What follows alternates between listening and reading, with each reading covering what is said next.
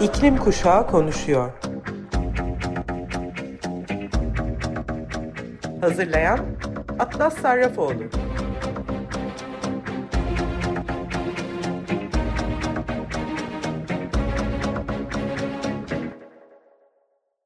Merhaba Sayın Açık Radyo dinleyicileri. Açık Radyo'nun her cuma 14'te yayınlanan İklim Kuşağı Konuşuyor programını dinliyorsunuz. Ben Atlas Sarrafoğlu. 25 Mart'ta yapacağımız küresel iklim grevinde talebimiz kar değil insanlar biliyorsunuz. Zaten günlük haberlere baktığınızda bu etiketi seçtiğimizi anlayacaksınız. İlk önemli haberimiz AB taksonomisi ile ilgili. Geçtiğimiz haftalarda Fridays for Future Avrupa AB taksonomisi ile ilgili kampanyalar başlatmıştı. Hatta Ocak ayının e, sonlarına doğru FFF Polonya'dan iklim aktivisti arkadaşım Maya Özbayoğlu'nun Strasbourg'a taleplerini iletmek için giden ekibin içindeydi. E, mevcut taslak 1.4 milyar ton karbondioksit emisyonunu yeşil olarak etiketleme potansiyeline sahip. Hem Polonyalı hem de Avrupalı politikacılara AB taksonomisinin mevcut versiyonuna karşı oy kullanmaları ve buna fosil gazın dahil edilmesine karşı çıkmaları için lobi yaptılar. Benim taksonomim değil sloganıyla yaptıkları kampanyada metan gazının da karbondioksitten 80 kat fazla sera gazı etkisi olduğunun göz ardı edildiğini, Avrupa Birliği'nin bir yol ayrımında olduğunu, parlak bir gelecek ile yıkıcı bir gelecek arasında seçim yapmak zorunda kaldıklarını söyledi. Maya konu üzerine pes etmiyoruz, edemeyiz çünkü bugünümüz ve geleceğimiz için savaşıyoruz. Karar platformlarında sesimizi duyurmaktan vazgeçmeyeceğiz diyor. Artı gerçekten de sevgili Pelin Cengiz aslında çok güzel anlatmış. Bu konuyu sizin ol, e, sizinle olduğu gibi paylaşmak istiyorum. Çünkü durum oldukça ciddi. E, yani bizler tabii ki Paris Anlaşması'nın e, hiçbir bağlayıcılığı olmadığını biliyoruz. Karar vericiler bugün derken, e, bugün bunu derken yarın bambaşka bir hedef koyabilir. Kimse dönüp bir ceza vermeyecek ya da bir e, yaptırım uygulamayacak, paralarını kaybetmeyecekler ve hatta tam tersine üzerine kazanç sağlayacaklar. E, ama tarihin onları en karanlık sayfalarında tutacağını düşünüyorum. E, Pelin Cengiz yazısının e, başlığı şu şekilde. Nükleer ve doğal gazı yeşile boyayan AB greenwashing'in yeni merkezi mi oluyor? Ve anlatıyor. Avrupa Komisyonu geçen hafta son derece tartışmalı ve tehlikeli bir kararı imza atarak üye ülkelerindeki enerji yatırımının sınıflandırılmasına ilişkin yeni kuralları içeren mevzuat teklifini açıkladı. Avrupa Birliği bundan sonra yeni yapılacak nükleer enerji ve doğal gaz projelerini sürdürülebilir yatırım olarak sınıflandırdı. Bu mevzuat değişikliği ile birlikte Avrupa Birliği'nin uzun vadeli iklim kriziyle mücadele hedeflerini yakalamasına katkı sağlayacağı iddia edilen ve çeşitli koşulların yerine getirdiği iddiasında olan nükleer ve doğal gaz projeleri sürdürülebilir yatırım listesinde yer alacak. Ruhsatını 2045'e kadar alan, gelişmiş teknolojileri kullanan, çevreye zarar vermeyen ve atıklarını güvenli biçimde tasfiye edebilecek nükleer enerji santral yatırımları yeşil ve sürdürülebilir ekonomik aktivite olarak tanımlanacak. AB tarafından yeni sınıflandırma genelgesine göre inşaat ruhsatı 2030'dan önce verilmişse ve kömürle çalışan bir santralin değiştirilmesi amacıyla inşa ediliyorsa gazla çalışan bir santrale yapılan yatırımlar sürdürülebilir olarak kabul edilecek. 20 yıl boyunca kilowatt saat başına 270 gramdan az veya yılda 500, 550 kilogramdan az karbon emisyonu şartı aranacak. AB sınıflandırması özel sektör yatırımlarını iklim hedeflerine ulaşmak için gerekli olan faaliyetlere yönlendirmeyi amaçlıyor.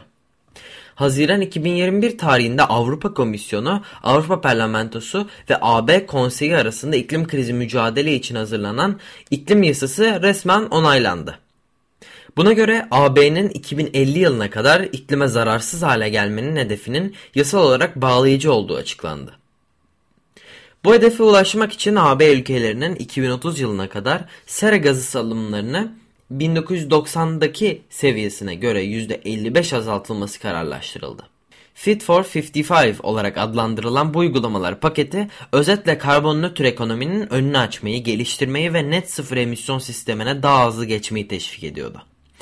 Her ne kadar küresel e, sera gazı emisyon taahhütlerini izleyen Climate Action Tracker kendi yaptığı çalışmada küresel ısınmayı felaketlere sebep olacak 2 derecede sınırlamak için AB genelinde sarımlarının en az %60'ının azaltılması gerektiğini işaret etse de maalesef artık önümüzde e, yeni, yepyeni bir tartışma var.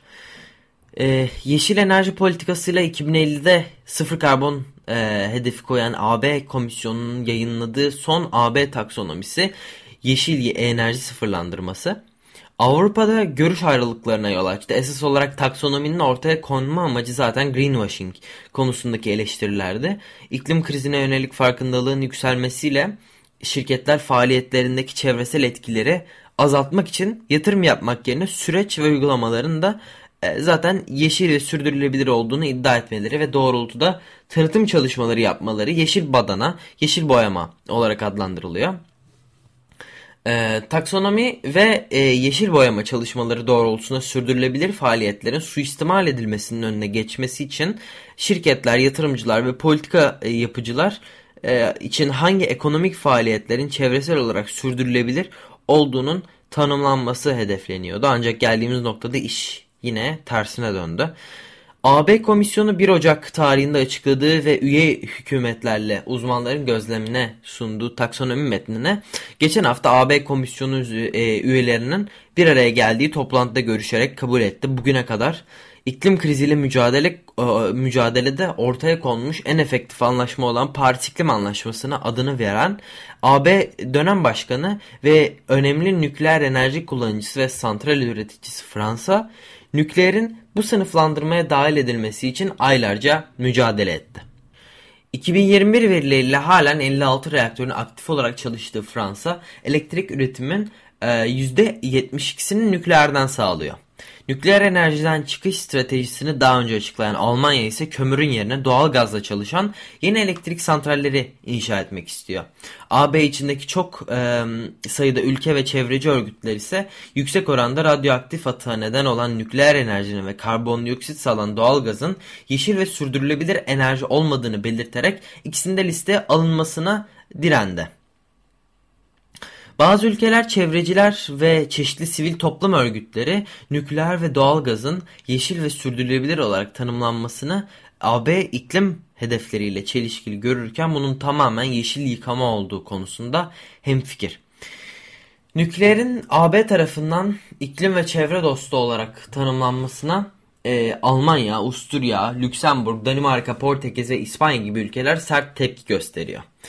Avrupa ve Lüksemburg söz konusu düzenlemeye karşı Avrupa Adalet Divanı'nda yasal süreç başlatacaklarını açıkladı.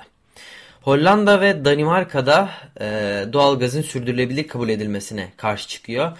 Clean Energy Wire'da yer alan e, haberde e, farklı kesimlerin görüşlerine yer verildi. Alman Sivil Toplum Kuruluşu E3G'den Johannes Strotten bu kararın e, Avrupa'nın Green Deal anlaşmasının geleceğiyle alay etmek olduğunu belirterek kendisine iklim hükümeti ilan eden Alman hükümetinin doğal gaz kriterlerinin zayıflatılması talebinde bulunduğu için eleştiride. E, Strotten e, sınıflandırmaya Green Deal'ın güvenilirliğinin korunması için Avrupa Parlamentosu'nun itiraz etmesi gerektiğini söyledi.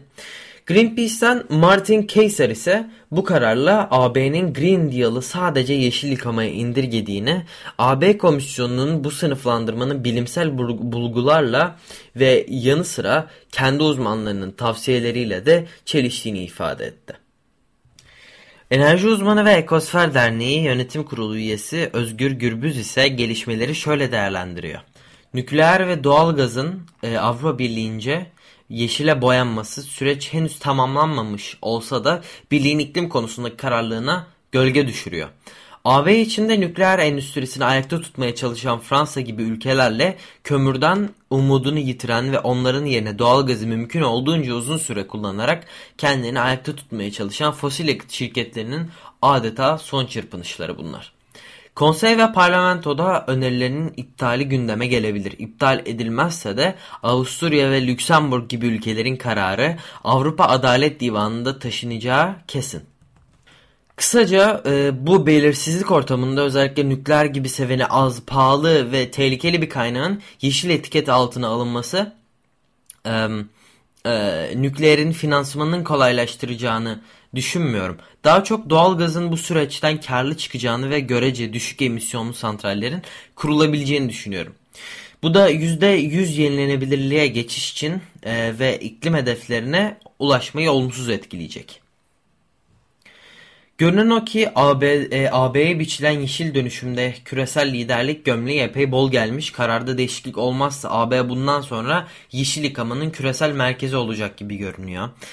Geleceğimize ve şimdi e, şimdimize bu kadar kolay düşünmeden ger e, gerçekleri göz ardı ederek karar verilmesini kabul etmiyoruz. 25 Mart'taki grevimizde de tam bu yüzden kârı değil insanları. Şimdi ara verelim ve orijinal olarak Imagine Dragons'ın söylediği Radioactive isimli şarkıyı Jay Frey'den dinleyelim. Sonra yine haftanın haberlerine göz atmaya devam edeceğiz. İnsanlar üzerinden kar sağlamaya devam eden ve bütün uyarılara, kırmızı kodlara rağmen hiçbir kısıtlama getirmeden hatta sınırsız büyümelere devam eden şirketlerin durmaya hiç niyeti yok gibi. Dünyanın en büyük şirketlerinden 200'ü 2040 yılına kadar net sıfır emisyona ulaşma sözü vererek iklim değişikliğini ne kadar ciddi aldıklarını gösteriyor. Ancak yeni bir araştırmaya göre bu şirketlerden bazıları kendi belirledikleri iklim hedeflerine uymuyor. Bu hedeflere yönelik çalışmalarını ise abartılı bir dille aktarıyor. Yeni İklim Enstitüsü ve Karbon Piyasalarını İnceleme adlı sivil toplum kuruluşlarının incelediği 25 şirketin arasında Google, Amazon, Ikea, Apple ve Nestle bulunuyor. BBC Türkçe'de yer alan habere göre bu şirketlerin net sıfır karbon emisyonunun hedefine ulaşmak ve sera gazı emisyonlarını azaltmak için kamuoyuna duyurdukları iklim stratejisini inceleyen çalışma şirketlerin büyük çoğunluğunun iklim krizinin getirdiği yeni çalışma koşullarına ve yöntemlerine yeterince hız, hızlı şekilde adapte olamadığını öne sürüyor. Raporda yer alan şirketlerden bazıları BBC araştırmalarının yöntemlerini doğru bulmadıklarını, aslında iklim krizinin etkileriyle mücadele etmekte önemli yol kat ettiklerini belirtti.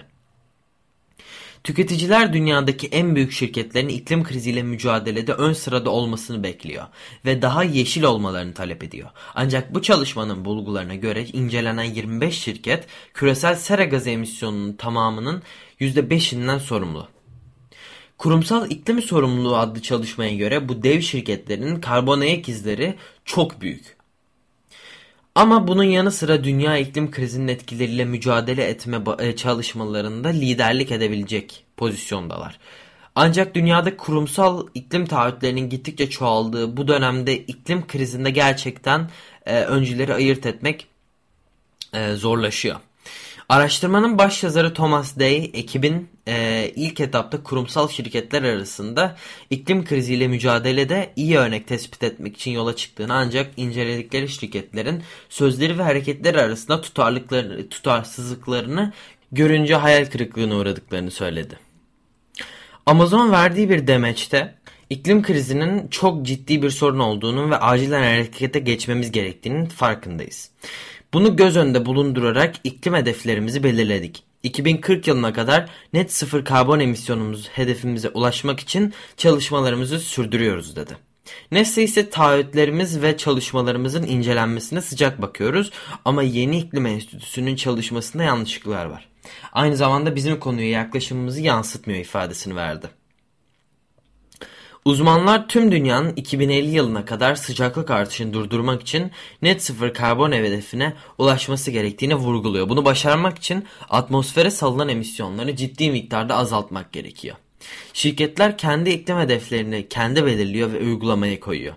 Google 2030 yılına kadar karbonsuz olmayı taahhüt ederken IKEA 2030'a kadar iklim pozitif olacağını öne sürüyor. Çalışmada incelenen her şirkete bir dürüstlük puanı verildi.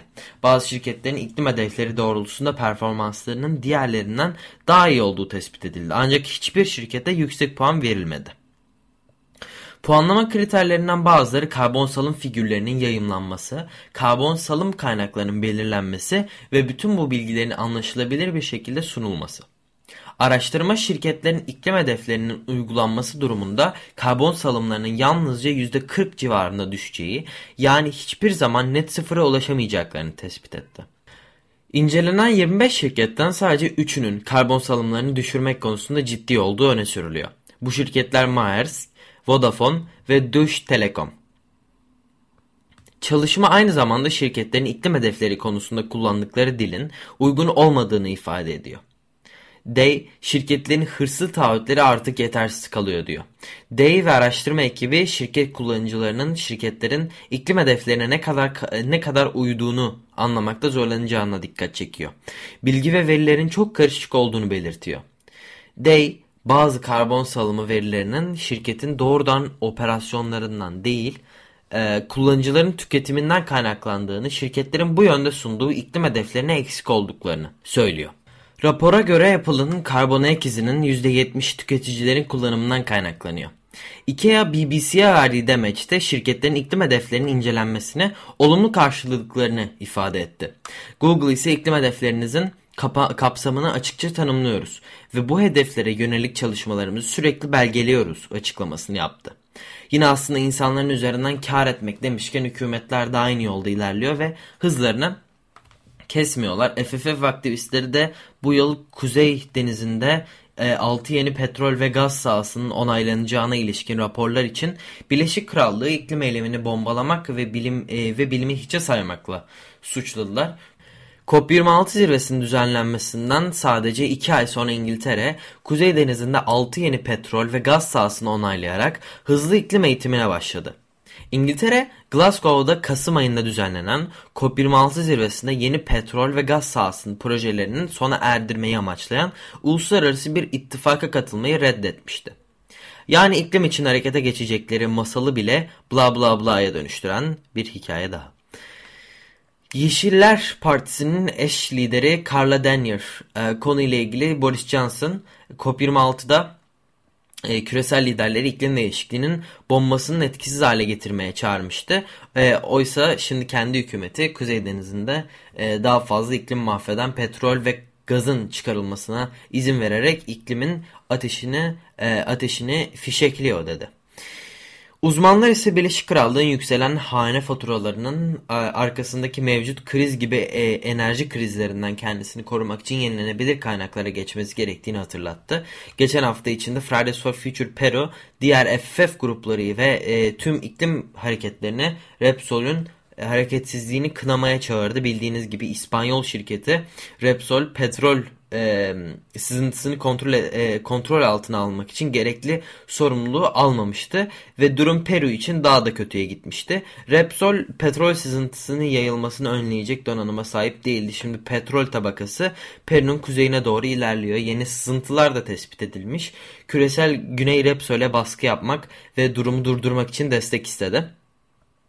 E, işte bu yüzden 4 Şubat Cuma günü Peru, Bolivya, Uruguay, Arjantin, Kolombiya, Güney Afrika, Nijerya, Mısır, İspanya, Portekiz, Sırbistan, Ukrayna, Hollanda, Almanya, Norveç, Danimarka, İngiltere ve ABD'de bir araya gelen iklim aktivistleri şehirlerindeki İspanyol büyükelçilikleri ve Repsol genel merkezleri önünde toplanarak kurumsal gücün insanlara zarar vermesini durdurmak için kâra öncelik verdiği ve iklim krizi için yanlış çözümlerle ekosistemleri yok ettiklerini söylediler.